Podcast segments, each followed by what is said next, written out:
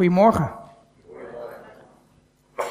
En welkom ook aan de luisteraars van, via Smilne FM. Vandaag de derde preek in de drie luik luisterend bidden. En uh, de titel van, uh, van mijn preek wordt, zoals op het scherm achter ons staat, Gezocht bemoedigers man-vrouw. Dus we hebben een vacature vanochtend. In de hoop dat jullie na deze, dit wervingspraatje allemaal zullen solliciteren. Ik begin vanochtend met vier korte verhaaltjes. Als jonge jongen werkte hij in een fabriek, maar hij had een intens verlangen om zanger te worden. Toen hij tien werd, volgde hij zijn eerste zangles. Als feedback maakte de leraar de volgende opmerking. Je kunt niet zingen en je stem is verschrikkelijk. Dus stop er maar mee. Dankjewel inderdaad. Ja. Zijn moeder geloofde echter dat hij kon leren zingen. Ze was erg arm, maar ze omhelste hem en zei: Mijn jongen, ik ga alles opofferen om jouw zanglessen te betalen. Haar aanmoediging en opoffering voor haar zoon bleken van onschatbare waarde. Deze zoon was rond het jaar 1900 een van 's werelds bekendste operazangers in Italië. En zijn naam was Enrico Caruso. Als je hem niet kent, ik ook niet, maar op YouTube staat hij, hij bestond. Het tweede verhaaltje. Mevrouw Adams ging altijd naar hetzelfde postkantoor in haar stad. Omdat de medewerkers daar zo vriendelijk waren. Op een bepaald moment, kort voor kerst, wilde ze postzegels kopen. Alleen waren die dag de wachtrijen erg lang. Iemand wees haar op dat als ze enkel voor postzegels kwam, ze ook terecht kon bij de automaat in de hal. Daar kon ze immers ook postzegels kopen. Ik weet het, zei ze. Maar die machine vraagt me niet hoe het met mijn artritis is. Derde verhaaltje. De 18e eeuwse schilder Benjamin West besloot als klein jochie een tekening te maken van zijn zusje. Hij haalde allerlei potjes inkt tevoorschijn en slaagde erin om een enorme troep te maken. Toen zijn moeder thuis kwam en zij de tekening zag, zei ze, wat een prachtige tekening jongen. Ze gaf hem een kus op zijn hoofd. En later in zijn leven heeft deze schilder gezegd, die kus van mijn moeder maakte mij een schilder. Laatste verhaaltje, ook waar gebeurd. Ruim 60 jaar geleden, op 18 juni 1956, vond er een ongeluk plaats in een rivier in New York. Een speedboot kwam zo hard tegen een golf aan dat twee van de opvarenden overboord sloegen. Een man van 50 en een jong meisje. Om te voorkomen dat ze zou verdrinken, hield die, uh, die man het hoofd van haar boven water, terwijl die boot op dat moment een rondje vaarde om hen weer op te pikken. Het meisje overleefde het, maar de man verdronk. Deze man was Dawson Trotman, de oprichter van Navigators. In Leeuwarden heel erg bekend van de studentenvereniging Navigators. En in zijn uh, stond: Hij stierf zoals hij geleefd had. Always lifted others up. Wat een erfenis om bekend te staan als iemand die altijd anderen heeft opgetild die altijd anderen ondersteund heeft of, of bemoedigd. Het waren vier verhaaltjes over het effect van bemoedigen.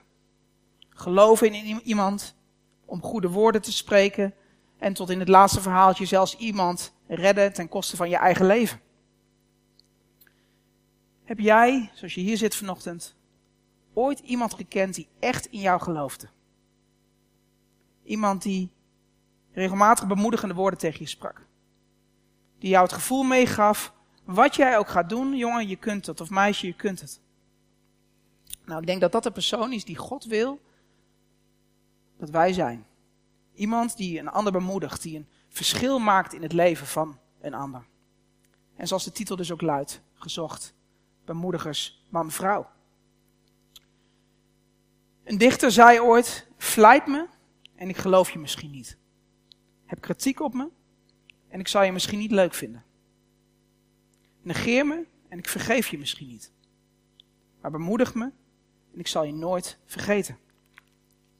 Mijn uitgangspunt is, wij hebben allemaal bemoediging nodig.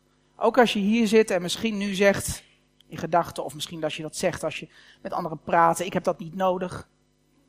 Uh, Van de week hoorde ik op tv een minister, was minister, uh, hoe heet die, die uh, van, van onderwijs. Slop, dankjewel, ik kon niet op zijn naam komen. En, en hij was blijkbaar op de radio uitgemaakt door Kees van Amstel. En hij zei dat het hem niks deed. Nou, dat geloof ik dus niet. En je zag het ook in zijn ogen. Dat geloof ik niet. Ook een minister heeft bemoediging nodig. Ook wij, zoals we hier zitten, hebben gewoon bemoediging nodig. Ik heb het nodig. Ik, uh, ik wil niet een uitnodiging doen dat jullie me straks allemaal per se moeten gaan bemoedigen. Komt het ook niet meer heel oprecht over. maar ik, ik, ik, herinner me vorige week. Vorige week sprak ik, uh, sprak ik in onze eigen kerk in Leeuwarden. En na de preek kreeg ik heel veel goede reacties. Dat is altijd fijn, hè? Heel veel goede reacties. Mensen die zeiden: oh, Ik ben er echt opgebouwd. Het heeft me echt geholpen. Wat, wat, wat fijne boodschap. En er is er één persoon bij die naar me toe komt. En ook nog iemand uit mijn directe kring.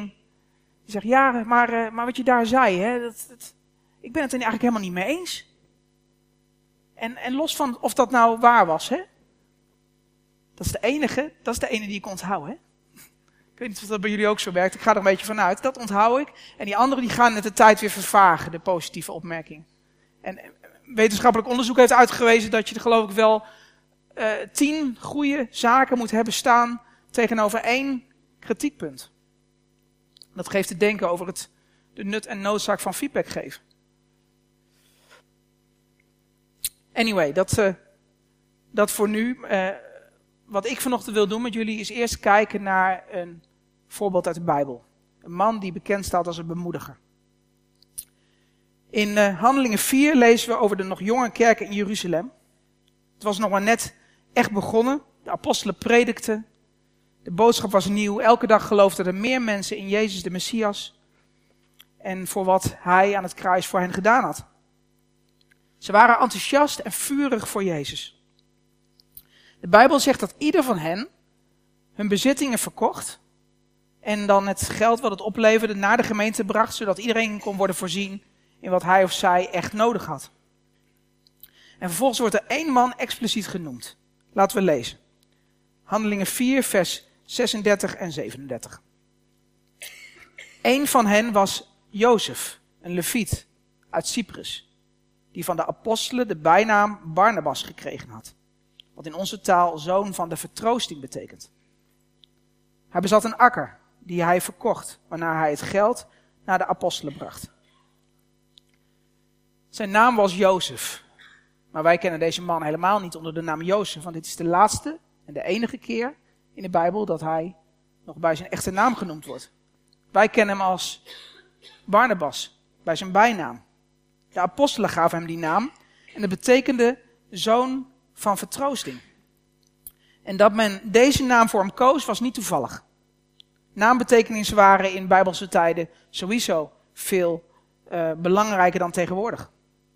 Maar als je Barnabas opzoekt in het Nieuwe Testament, dan zie je dat hij overal waar hij naartoe ging, dat hij een bemoediger, vertrooster was. Neem Handelingen 11. De kerk breidt zich sterk uit en op een gegeven moment wordt het evangelie ook aan de heiden in Antiochië verkondigd. En mensen komen tot geloof. Dan lezen we vanaf vers 22. En het gerucht kwam over hen, kwam over de gemeente die in Jeruzalem was, en ze zonden Barnabas uit om het land door te gaan tot Antiochië toe. En toen hij daar aangekomen was en de genade van God zag, werd hij verblijd en spoorde hij hen allen aan om met een hartelijk voornemen bij de Here te blijven.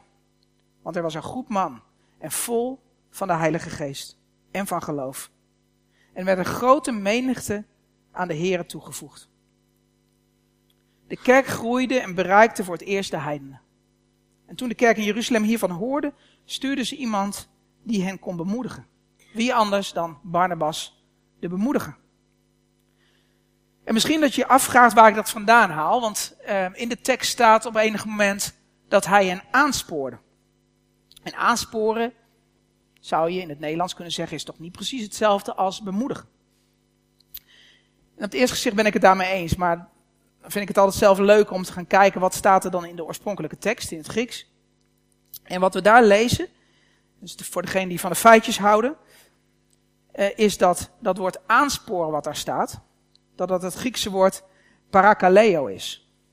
Kijk maar mee op het scherm. Waar je spoorden ziet staan, daar staat dus parakaleo. En dit woord is een werkwoord. En dat hoort bij het zelfstandig naamwoord paraklesis. Dat, Barnab, dat, dat zoon van vertroosting betekent, of eigenlijk vertroosting. We lazen dat dan net, hè? Barnabas, zoon van de vertroosting, betekent in het Grieks dus zoon van de paraklesis. Ik hoop dat je me nog kunt volgen. Wat het, wat het duidelijk maakt, en dat vind ik zo mooi, om altijd als je even een stukje dieper gaat kijken in wat er in de oorspronkelijke taal staat, is dat uh, Barnabas daarheen gestuurd wordt. We weten nu dat zijn naam bemoediger betekent. En wat hij daar dan vervolgens gaat doen is, is bemoedigen. En in het Grieks zie je ook gewoon dat die woorden een verwantschap hebben. Dus daar is over nagedacht. Dat staat er niet zomaar. Het past in ieder geval perfect bij zijn naam. Bij wie die is. Overal waar Barnabas naartoe ging, daar was bemoediging. En zeg nou zelf, als ze dat over jou zouden zeggen. Ze zouden zeggen, Wilma, overal waar jij komt, daar, daar, daar word ik bemoedigd. Uh, vul je eigen naam maar in. Uh, Willem, overal waar jij komt, daar worden mensen bemoedigd. Als ze dat over jou zouden zeggen, dat is toch geweldig? Dan is, uh, ja, zoals ik het zelf beleef, dan is je leven klaar als dat mensen dat over je zeggen. Ze zo naar je kijken. Laten we nog naar een ander voorbeeld kijken. Op een gegeven moment is de apostel Paulus boos op Johannes Marcus. Hij wilde namelijk niet dat Johannes Marcus nog een keer meeging op de volgende zendingsreis. Laten we lezen in Handelingen 15, vers 36 tot 40. En na enkele dagen zei Paulus tegen Barnabas: Laten wij nu terugkeren en onze broeders bezoeken in elke stad waar wij het woord van de Here verkondigd hebben. En zien hoe het met hen gaat. Nu wilde Barnabas Johannes, die ook Marcus heette, meenemen. Paulus achtte het echter juist om hem, die hen van Pamphylië af verlaten had, en niet met hen meegegaan was naar het werk, niet mee te nemen. Er ontstond daarom verbittering, zodat zij uit elkaar gingen en Barnabas Marcus meenam en per schip naar Cyprus vertrok, maar Paulus koos Silas en vertrok nadat hij door de broeders aan de genade van God opgedragen was. Johannes Marcus had hem bij een eerdere zendingsreis blijkbaar verlaten. We weten niet precies waarom. Misschien was hij bang. In ieder geval wilde Paulus hem niet nog een keer meenemen. Maar hoe kan het ook anders? Barnabas, de bemoediger, dacht er anders over. Paulus zag iemand die opgaf, iemand die misschien wel een gebrek aan doorzettingsvermogen had. En Barnabas zag iemand die bemoedigd moest worden. Blijkbaar heeft het gewerkt, want volgens de overlevering heeft Johannes Marcus uiteindelijk het Marcus-evangelie geschreven.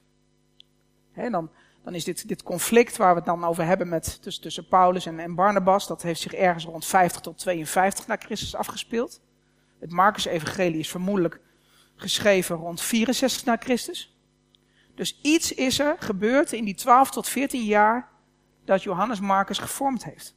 Van een man die misschien niet geheel toegewijd was, in iemand die moedig het leven van Jezus Christus beschreven heeft.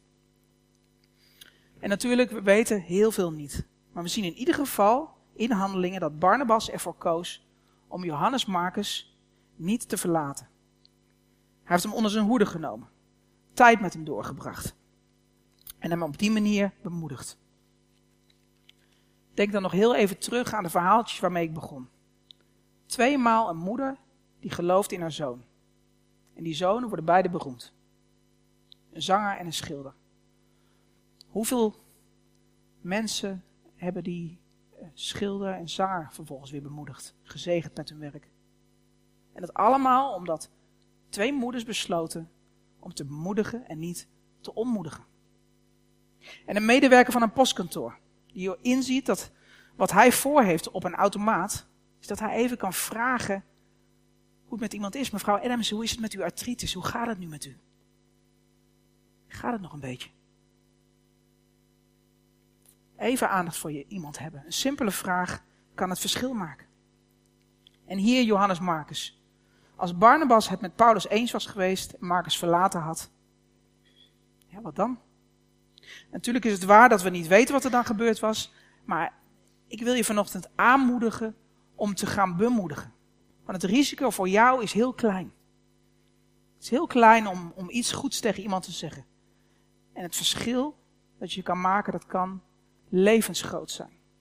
Onlangs las ik het verhaal, eh, een lang verhaal op internet, waarin een, een lerares vertelt over wat ze heeft ervaren met een bepaalde leerling. De leerling was vrij introvert, een beetje teruggetrokken. Ze wist niet echt wat er was. Uh, en hij scoorde daardoor dus ook niet goed. En uiteindelijk uh, had dat uh, toen in geresulteerd, als dat zo doorgegaan was, dat hij van school gestuurd was. Op een of andere manier heeft die lerares ingezien van, dat ze uh, misschien aandacht voor hem moest hebben. En ze heeft bemoedigende woorden gesproken. Ze heeft laten merken dat ze in hem geloofde. En um, ja, eigenlijk op die manier um, hem ergens uitgetrokken. Want wat blijkt, uh, uiteindelijk, vertelt die leerling later, is dat hij op het punt stond zichzelf van het leven te beroven. Hij had de, de, de, de, voorbereiding daarvoor al getroffen. En hij besloot om toch nog maar één keer naar school te gaan, want het maakte toch niet uit. Hij zou toch te horen krijgen dat het allemaal over was. En deze lerares heeft door haar houding ervoor gezorgd dat dat niet gebeurd is. Weet je, bij dit soort verhalen denk ik altijd van, hebben we enig idee wat onze goede woorden kunnen doen?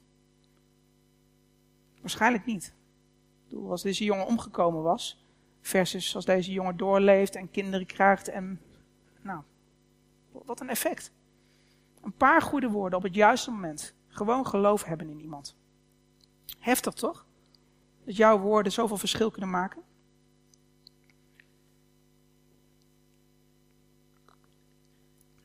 Ik zei daar net al iets over het Griekse woord eh, parakaleo. Het woord dat wij kunnen vertalen met ons woord bemoedigen. En dit woord in zijn oorspronkelijke vorm betekent aanroepen, troosten, aan iemands zij komen, iemand versterken. Wanneer we elkaar bemoedigen, lopen we naast hen. Wat betekent dat we in iemands leven delen door middel van ondersteuning en versterking. Maar hoe dan? Hoe kunnen wij zelf bemoedigers worden? Ik denk dat het eerste is dat we moeten beseffen is dat bemoediging gecommuniceerd moet worden. We kunnen heel veel mooie dingen denken over een ander in onze gedachten. Maar als we het niet zeggen, dan, of laten merken, dan heeft iemand er niet veel aan. We moeten dus leren om woorden te spreken die de ander bemoedigen. En laten we dan even teruggaan naar de Bijbel, in dit geval naar Handelingen 13, vers 15. Daar staat, en na het voorlezen van de wet en van de profeten lieten de hoofden van de synagogen tegen hen zeggen, mannenbroeders, als er bij u een woord van bemoediging voor het volk is, spreek dan. Paulus en Barnabas waren op dit moment dat deze tekst speelt, net aangekomen in Antiochië. En op de Sabbat gingen ze naar de synagoge. En wat er in zo'n dienst gebeurde was dat men een gedeelte voorlas van wat wij nu kennen als het Oude Testament. En daarna kregen de mensen een kans om iets te delen. Een beetje zoals hier in de gemeente in het uh, moment van open gebed, wat straks, uh, straks nog zal zijn. En tijdens het moment zei men dus tegen Paulus en Barnabas, als u een woord van bemoediging heeft, spreek dan. Nou, voor hen was dat aanleiding om het evangelie te gaan delen. En ik wil jullie eigenlijk ook aanmoedigen om straks bij het moment van open gebed woorden van bemoediging te spreken. Woorden waar de gemeente en iedereen die hier aanwezig is wat aan heeft. Waar we door opgebouwd worden, door, ja, waar je kracht van krijgen voor de nieuwe week. De mensen in de synagoge keken uit naar een woord van bemoediging. En ik denk dat wij daar allemaal naar uitkijken. Woorden die ons opbouwen, woorden die ons helpen in tijden van wanhoop en problemen. Woorden die ons helpen om op koers te blijven, op in roerige momenten in ons leven. En woorden die bevestigen dat wij het goede doen. En terwijl we woorden van bemoediging zouden moeten spreken, is het veel gemakkelijker om woorden van ontmoediging te spreken. Het is makkelijk om iemand met woorden kapot te maken. De Bijbel waarschuwt ons daarvoor regelmatig. In Jacobus hoofdstuk 3 lezen we het volgende. Want wij struikelen allen in veel opzichten. Als iemand in woorden niet struikelt, is hij een volmaakt man of vrouw. Die bij machten is om het hele lichaam in toom te houden. Zie wij leggen de paarden een bit in de mond, opdat ze ons zouden gehoorzamen. En wij sturen daarmee heel hun lichaam. Zie ook de schepen, al zijn ze nog zo groot en worden ze door harde winden voortgedreven, ze worden gestuurd door een zeer klein roer. waarmee de stuurman ook maar kiest en wil. Zo is ook de tong een klein lichaamsdeel en roemt toch van grote dingen. Zie eens hoe een klein vuur een grote hoop hout aansteekt.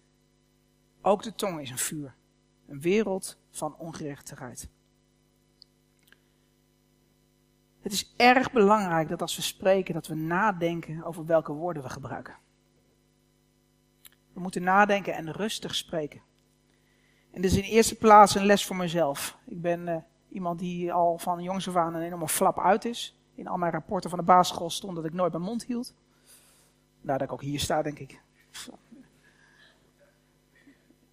En, uh, en dan hou ik ook nog van cynische, sarcastische grappen. Het is echt uh, een fatale combinatie.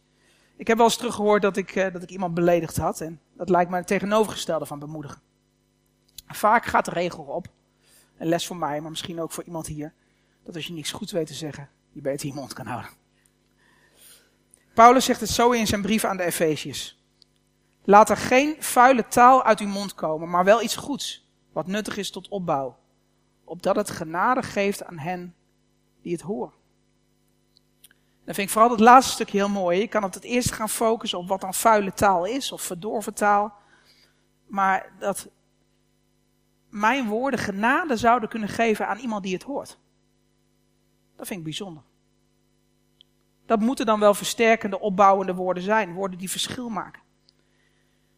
En een plaats waar deze woorden van Paulus denk ik heel hard nodig zijn, is het internet. Uiteraard iets wat in de tijd van Jezus niet bestond. Maar ik heb ter voorbereiding op deze preek even rondgekeken op uh, Dumpert, op Twitter, op nu.nl, Google Reviews. Internet zou een plaats moeten zijn waar mensen massaal bemoedigd kunnen worden. Want we hebben zoveel mogelijkheden om iedereen ter wereld te bereiken. Maar blijkbaar zijn er mensen die s'avonds achter een computer zitten en besluiten om de andere mens met woorden kapot te maken. Bekende mensen die met de dood worden bedreigd omdat ze wagen iets te zeggen over iets als Zwarte Piet. Vrouwen die verbaal aangerand worden door anoniempje 48. En trouwens, anoniempje staat vaak nog met naam en toenaam verbaast me. Dan zie je een foto er zelfs bij staan. En dan kan ik op internet zelfs vinden waar die persoon woont. Heb ik even gecheckt. En dan heb je ook nog een baan. Ja, ik weet niet hoe het met jullie is, maar als ik als werkgever zou zien dat mijn werknemer uh, iemand met zoveel woorden kapot aan het maken is, dan zou ik gewoon echt een ernstig gesprek willen hebben die dag erna. Met bedrijfsnaam staat er ook nog bij. Lekkere reclame. Mensen die een filmpje van een verkeersongeval op Facebook zetten. En dan vervolgens mensen die daar weer op reageren met uh, wat een sukkel, hij zal wel gedronken hebben. Hebben we enig idee?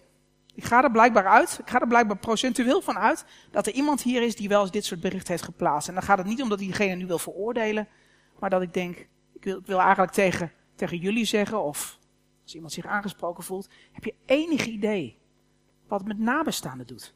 Als je dit soort dingen schrijft. En in alle eerlijkheid, even naar mezelf kijken, waar komt mijn neiging vandaan om het nieuwsbericht over te slaan en altijd meteen eronder te kijken wat voor dingen er allemaal staan?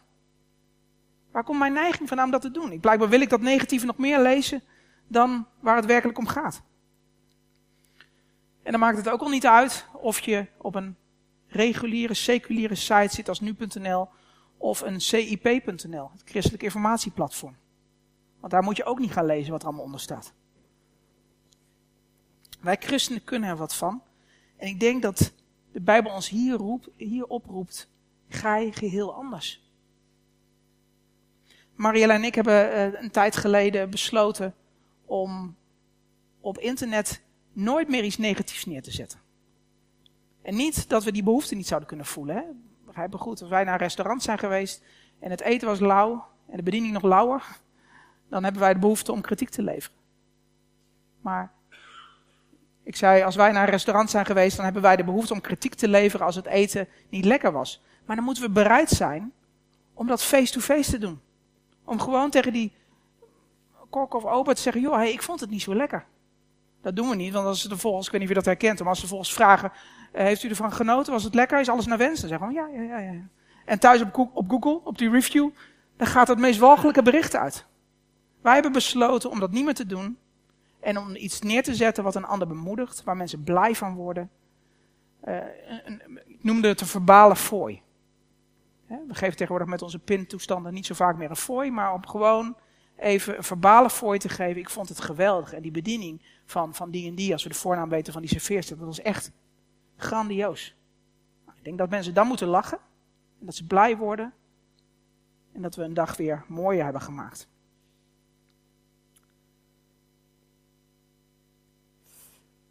Ik denk, lieve mensen, dat de wereld en de digitale wereld bovenal dringend behoefte heeft aan bemoedigers. Gezocht bemoedigers, man-vrouw. We bemoedigen alleen niet enkel met woorden, maar ook met daden. We kennen de uitspraak geen woorden, maar daden. Ik denk in dit geval dat het woorden en daden zou moeten zijn, dat ze gelijk opgaan. Laten we nog even kijken naar een voorbeeld van Barnabas. Bemoediging in actie. Toen Saulus, de, de latere Paulus, in Jeruzalem gekomen was, probeerde hij bij, zich bij de discipelen aan te sluiten. Maar ze waren alle bevreesd voor hem, want ze geloofden niet dat hij een discipel was. Maar Barnabas nam hem onder de hoede, bracht hem naar de apostelen en vertelde hun hoe hij onderweg de Here gezien had. Dat hij tot hem gesproken had en hoe hij in Damascus vrijmoedig gesproken had in de naam van Jezus. Paulus was dus gered op de weg naar Damascus en had gehoor gegeven aan Gods roep om te prediken en anderen over Jezus te onderwijzen. Het probleem was echter dat hij bekend stond als een vervolger van christenen, geen volgeling van Jezus. En dus waren de christenen in Jeruzalem bang voor hem. Dat kan ik me heel goed voorstellen. Ze dachten dat hij hem misschien probeerde te misleiden. Barnabas bracht Paulus vervolgens naar de apostelen en kwam voor hem op. Dat zouden we allemaal moeten hebben, hè? Een, een, Barnabas in ons leven. Iemand die voor ons opkomt. Ik vind het echt heel gaaf om te ontdekken dat Barnabas echt heel nodig was, heel noodzakelijk was voor Paulus. Hij vertelde hen zelf het verhaal van Paulus' bekering en hoe Paulus het evangelie had verkondigd. Bedenk wat er zou zijn gebeurd als Barnabas niet voor Paulus was opgekomen. Paulus had heel gemakkelijk kunnen zeggen: Deze mensen accepteren me niet. Hier hoor ik niet thuis. Door zijn acties bemoedigde en versterkte Barnabas Paulus in zijn geloof en in zijn reputatie. Dat is ook zo mooi van bemoedigen. Als je het, helemaal als je het in het openbaar doet, dat je dus de reputatie van de mensen om je heen versterkt. De daden van Barnabas kwamen overeen met zijn woorden. Als we echt willen bemoedigen mensen, dan moeten onze woorden en daden met elkaar overeenkomen. Ik weet dat het voor zich spreekt. En toch, ga eens bij jezelf te raden of het ook echt zo is. Een vriend van mij, uh, Remco, uh, is een man van heel weinig woorden. En uh, alleen hij is zo dienstbaar. Hij is uh, onlangs vrijwilliger geworden bij de stichting Amargi. Is een stichting die mensen helpt die aan het beginstadium als, als ze in financiële problemen komen. En ondanks dat hij weinig woorden gebruikt, is hij uh, bemoedigend door middel van het opstellen van een budgetplan met die mensen. Soms neemt hij een bankpasje in en, en, en helpt hij op die manier mensen om wat controle te krijgen over hun impulsiviteit. Hij uh, belt organisaties op, kijkt of er wat te regelen valt. En op deze manier brengt hij een stuk bemoediging in de praktijk. En de wereld heeft deze mensen nodig. De wereld heeft jou nodig. We leven gewoon dikwijls in een hele kille samenleving. Volgens mij, even uit mijn hoofd, zegt Timotheus het ook ergens in die, een van die brieven. Dat uh, we een tijd tegemoet gaan waarbij de liefde bekoeld is. En een tijd waarin de mensen, staat er dan in de Engelse Bijbel, lovers of self zijn. Vooral liefhebbers van zichzelf. En wij hier kunnen het verschil maken. Wij kunnen die warme aanraking geven. Misschien met woorden, misschien met daden. Gewoon even je arm om iemand heen slaan en ze vasthouden. Er zijn geen woorden voor nodig. Een kaartje sturen, kleine moeite. Een appje, nog een kleinere moeite. Laat mensen weten dat je voor hen bidt. Er zijn mensen in ons leven, in het leven van mij en Marielle, die, die bidden voor ons. En ik vind het gewoon heel bemoedigend om dat te weten. Dat de mensen die meestrijden als het even niet zo makkelijk gaat. Ik moedig je vanochtend aan om te gaan bemoedigen en als je het al deed, om daar vooral mee door te gaan. Denk ook terug aan die verhaaltjes van het begin. waarmee ik begon. Het effect van jouw woorden kan onbeschrijfelijk groot zijn. Ik heb dat al heel vaak gezegd, maar ik blijf dat zeggen dat je je gewoon realiseert hoeveel effect je hebt. Misschien denk jij hier, als je hier zo zit, van als ik nou eens een compliment aan mijn collega geef of een compliment aan iemand die hier zit, dat doet niet zoveel. Maar ik weet de complimenten van tien jaar geleden nog. Het heeft effect. Nog sterker, ik zou hier niet hebben gestaan bij Open Thuis, wat natuurlijk begonnen is in mijn eigen kerk, als ik niet bemoedigd was om het te gaan proberen. De allereerste keer dat ik het nieuws presenteerde, we hebben altijd een nieuwspresentator in onze gemeente, een soort uh, uh, opening van de dienst, stond ik met mijn uh, een armpje zo op mijn microfoon, toen hield ik mijn arm zo vast en dan ging het zo, weet je wel? Ja, dat, werkte alleen maar heel, dat vonden mensen alleen maar heel leuk blijkbaar. Dus dus dat heeft me alleen maar geholpen. Maar weet je, ik heb die bemoediging nodig gehad dat ik het kon. En nog steeds merk ik dat ik elke keer verder groei. Tot slot, ik vertelde daar straks over al die Griekse woorden. Je mag ze allemaal weer vergeten en toch heeft het misschien een waarde om, om daar iets van te begrijpen. Ik noemde dus parakaleo, dat je zou kunnen vertalen met bemoedigen. En ik vertelde over het woord paraklesis, dat vertroosten of bemoedigen betekent. En ik voeg er nog één woord aan toe. En dat is parakletos. We komen dit woord tegen in Johannes 14, vers 16. Lees maar met me mee. En ik zal de Vader bidden en hij zal u een andere trooster geven, opdat hij bij u blijft tot in eeuwigheid. Hij zal u een andere trooster geven, een andere parakletos. Bij het vertrek van Jezus uit deze wereld belooft hij zijn discipelen een andere parakletos, namelijk de Heilige Geest. De betekenis van het Griekse woord trooster, wat hier dus staat, klinkt, klinkt warm. Doet denken aan een arm om je schouder op het moment dat je dat nodig hebt. Of iemand, zoals dat, hè, wat het woord ook betekent, iemand die langs zij komt om je te helpen. Een parakletos is dus iemand die bijstand biedt in een hulpbehoevende situatie.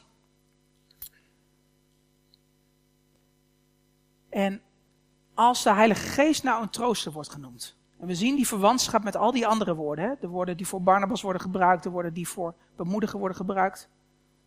Zou hij ons, even een retorische vraag, zou hij ons dan misschien ook woorden kunnen geven voor een ander? Dat als we gevoelig worden voor zijn stem, stem van Gods geest, dat we dan ook kunnen weten wat voor bemoedigende woorden we mogen spreken tegen de mensen om ons heen. Dat is waar de cursus luisterend bidden in deze gemeente over, over gaat. En dat is ook waar de drieluik over gaat. De Wilma begon de eerste preek twee weken geleden met uh, een, een, een, verhaal over een vertrouwelijke omgang met God. Hoe we daarin kunnen groeien. En, en Marja uh, um, had het vorige week over um, dat we moeten groeien in, um, hoe zei ze dat? Ik heb het vanochtend nog even teruggeluisterd in relatie, in rust en in ruimte. Dus een vertrouwelijke omgang met God, relatie met God, rust in ons leven en ruimte. Dat is nodig om God te kunnen verstaan. En als we Hem dan verstaan en als we dan horen op, in ons gevoel of in onze gedachten dat we iets moeten zeggen tegen iemand, dan is het ook goed om die stap te zetten. Laatste stukje, dat is uh, een ervaring van Marielle, mijn vrouw voor wie, het, uh, wie dat niet weet. Um, tijdens haar studie moest ze op vrijdag altijd van Den Haag naar Leeuwarden, terug naar huis. En ze was tijdens die treinreis niet per se bezig met de Heer. En op een gegeven moment zoekt ze een plaatsje in de trein na een overstap. En op het moment dat ze gaat zitten en haar hoofd omhoog doet, ziet ze een jonge vrouw tegenover haar zitten en onmiddellijk hoort of voelt ze dat ze iets voor deze vrouw mag betekenen. En uiteraard, zoals dat bij ons allemaal gaat, dringen er gelijk allerlei gedachten in haar hoofd op waarom ze dat vooral niet moest gaan doen. En ergens in die worsteling zegt ze tegen God, dan moet u ook maar de manier laten zien waarop dat moet gebeuren. Ik kan moeilijk in een volle treincoupé tegen haar zeggen dat ik denk dat ik iets voor haar moet betekenen. Toen plopte het idee in haar hoofd op dat ze een briefje kon schrijven. Dus ze scheurde een briefje uit haar agenda en ze schreef erop: Ik heb het idee dat je het moeilijk hebt en dat ik iets voor je mag betekenen. En ze schoof dat zo over dat tafeltje bij dat raam zo naar haar toe. Dat meisje dat keek wat vreemd en keek om. En op het moment dat ze het las, begon ze meteen te huilen. En uh, zij schreef zelf daar weer wat op van, ja dat klopt. En, uh, maar wat zou je dan voor me kunnen betekenen? En mijn vrouw schreef daar weer op, misschien dat je het even met iemand kunt delen. En op dat moment begon ze gewoon in de coupé. Ik geloof die persoon naast haar vertelde Marielle ook meteen, kijk, van wat gebeurt hier? Maar die begon ze tegen, hè, naar, de overkant, naar Marielle, te vertellen wat daar, wat daar was. En ze hebben nog een tijdje e-mailcontact gehouden. En dat is op een gegeven moment ook weer uitgedoofd. Gewoon prima. Even heeft Marielle een bemoediging mogen zijn voor iemand. En ik geloof dat dat niet een bijzondere geestelijke ervaring is die alleen Marielle overkomt. Die kan ons allemaal overkomen.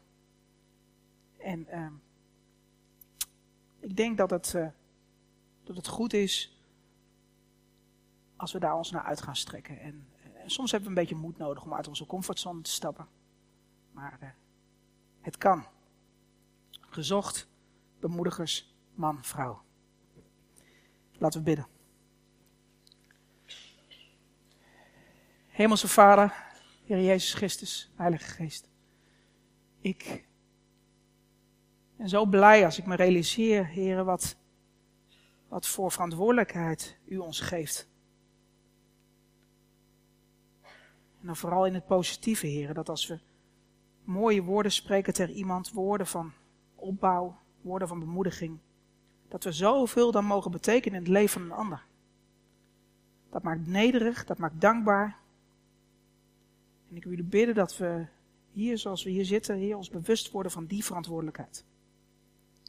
Dat we daar misschien een keuze in maken vanochtend. Om de komende week eens na te denken over wie we kunnen bemoedigen. Of een compliment kunnen geven. Een knuffel, een appje, een aanraking. Heer, wilt u zo tot ons hart spreken?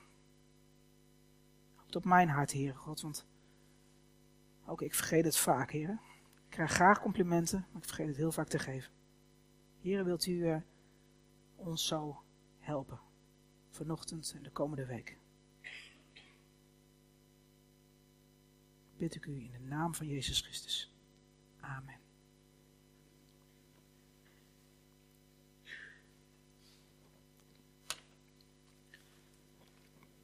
En dan gaan we gelijk over naar het, uh, naar het avondmaal.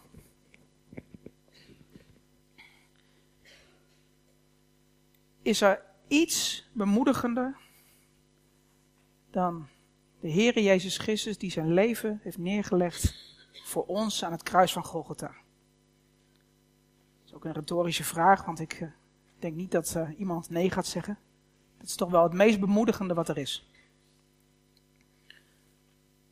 Dus hij doet het ons voor.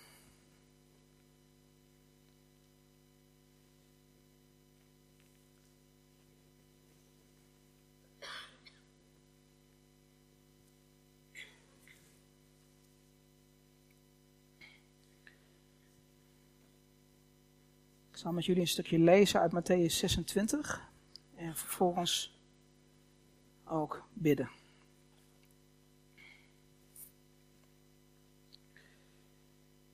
Toen ze verder aten, nam Jezus een brood, sprak het zegengebed uit, brak het brood en gaf de leerlingen ervan met de woorden: Neem, eet, dit is mijn lichaam. Laten we bidden voor het brood.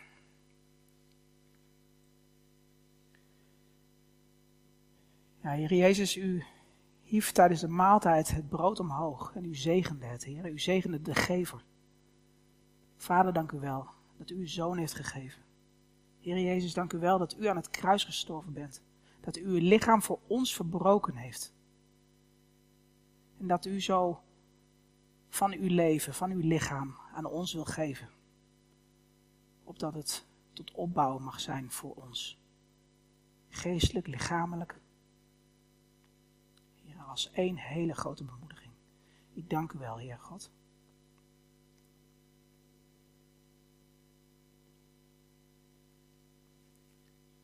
En hij brak het brood. Goed, lieve mensen, hij is voor ons gestorven. Neem eet, dit is zijn lichaam. En dan in de tekst die volgt staat, en hij nam een beker, sprak het dankgebed uit en gaf hun de beker met de woorden, drink allen hieruit. Dit is mijn bloed, het bloed van het verbond, dat voor velen wordt vergoten tot vergeving van zonde. Laten we bidden. Heer Jezus, dank u wel dat u uw bloed heeft vergoten voor ons. Voor onze zonden, zoals we net lazen. Ik moet denken aan alle keren dat we misschien in ons leven niet iemand bemoedigd hebben, maar juist ontmoedigd, of verkeerde woorden hebben gesproken. Dan ben ik dankbaar te weten dat u zegt, mijn bloed is voldoende. Dank u wel voor het bloed van het nieuwe verbond.